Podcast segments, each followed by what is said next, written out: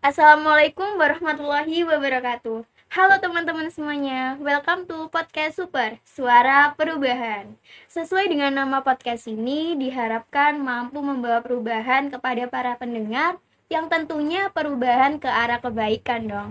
Sebelum masuk pembahasan, gak enak kan ya rasanya kalau kita belum kenalan. Kenalin teman-teman, nama aku Dila, dan di sini aku nggak bakal sendirian Aku bakalan ngobrol dan diskusi bareng sahabat aku namanya Dias. Assalamualaikum Dias, apa kabar nih? Sehat kan ya?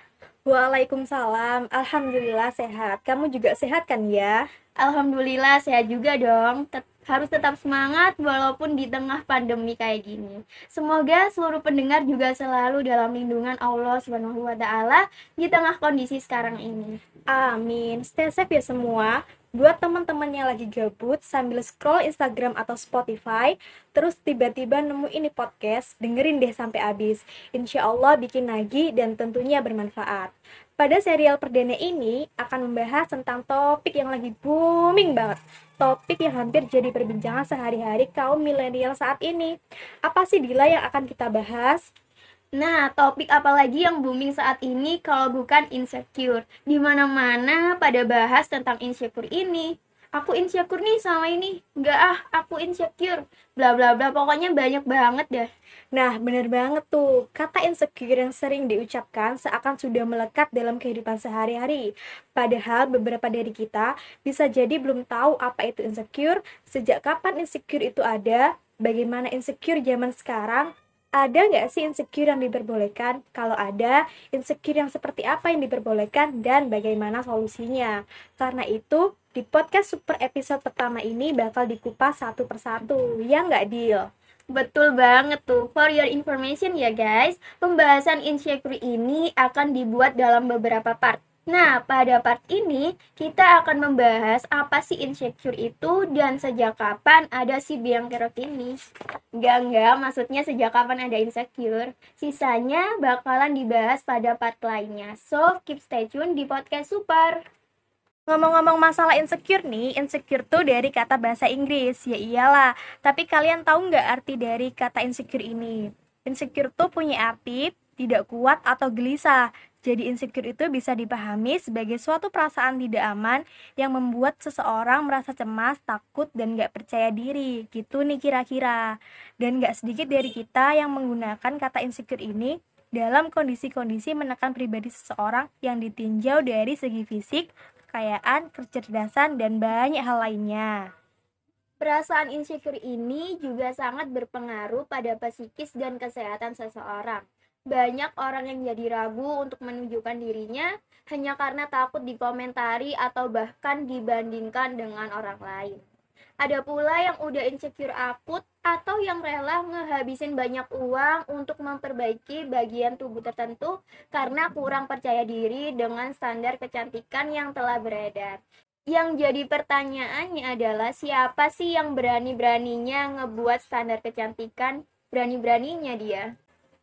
Gak hanya dalam segi fisik aja, banyak yang ingin terlihat kaya di depan halayak umum dengan menggunakan barang-barang dan pakaian yang bermerek hanya untuk mengikuti tren. Hal-hal yang telah ada di tengah masyarakat seakan dijadikan standar yang harus dicapai oleh setiap orang.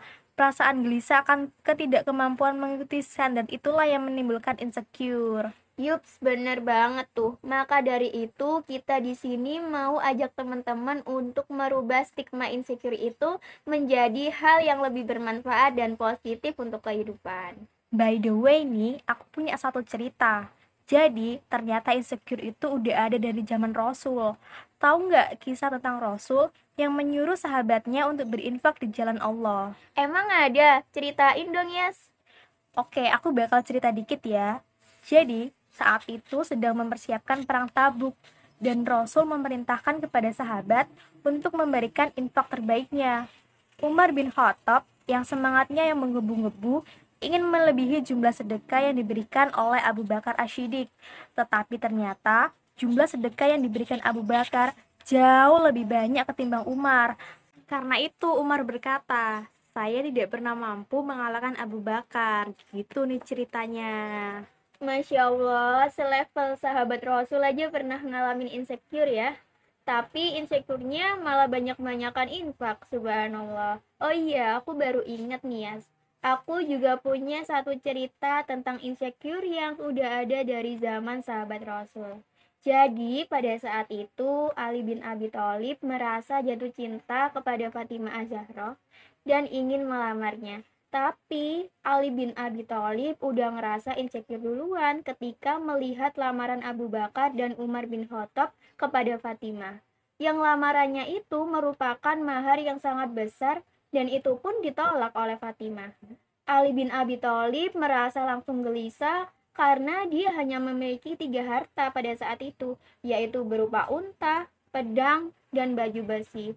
Bagaimana coba dia akan menandingi para pelamar sebelumnya? Namun, ketika Ali bin Abi Thalib melamar Fatimah dengan harta tersebut, justru Fatimah Azharo menerima lamaran itu karena memang Fatimah juga memiliki perasaan kepada Ali bin Abi Thalib. Subhanallah, jadi baper nih. Gimana nih guys, udah pada baper belum?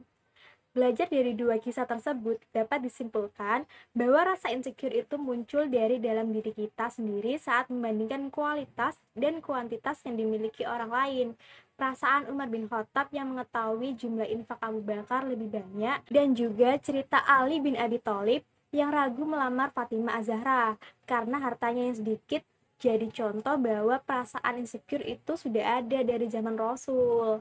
Tapi gimana ya dengan insecure pada zaman sekarang? Dan dalam bidang apa perasaan insecure itu muncul? Lantas, bagaimana pandangan Islam terhadap insecure yang lagi booming ini? Gimana nih, Yas? Langsung kita skui bahas nggak nih? Enggak dong, pertanyaan-pertanyaan itu akan dijawab dan dikupas di part 2 podcast super. So, buat yang penasaran sama lanjutan bahasan kita kali ini, stay tune aja di podcast super. Jangan lupa di follow, like, dan komen. Terima kasih banyak yang udah dengerin podcast kita sampai akhir. Semoga inti dari bahasan kali ini bisa memberi manfaat dan tentunya memberi perubahan ke arah kebaikan walau cuma sedikit. Terima kasih teman-teman. See ya. Wassalamualaikum warahmatullahi wabarakatuh.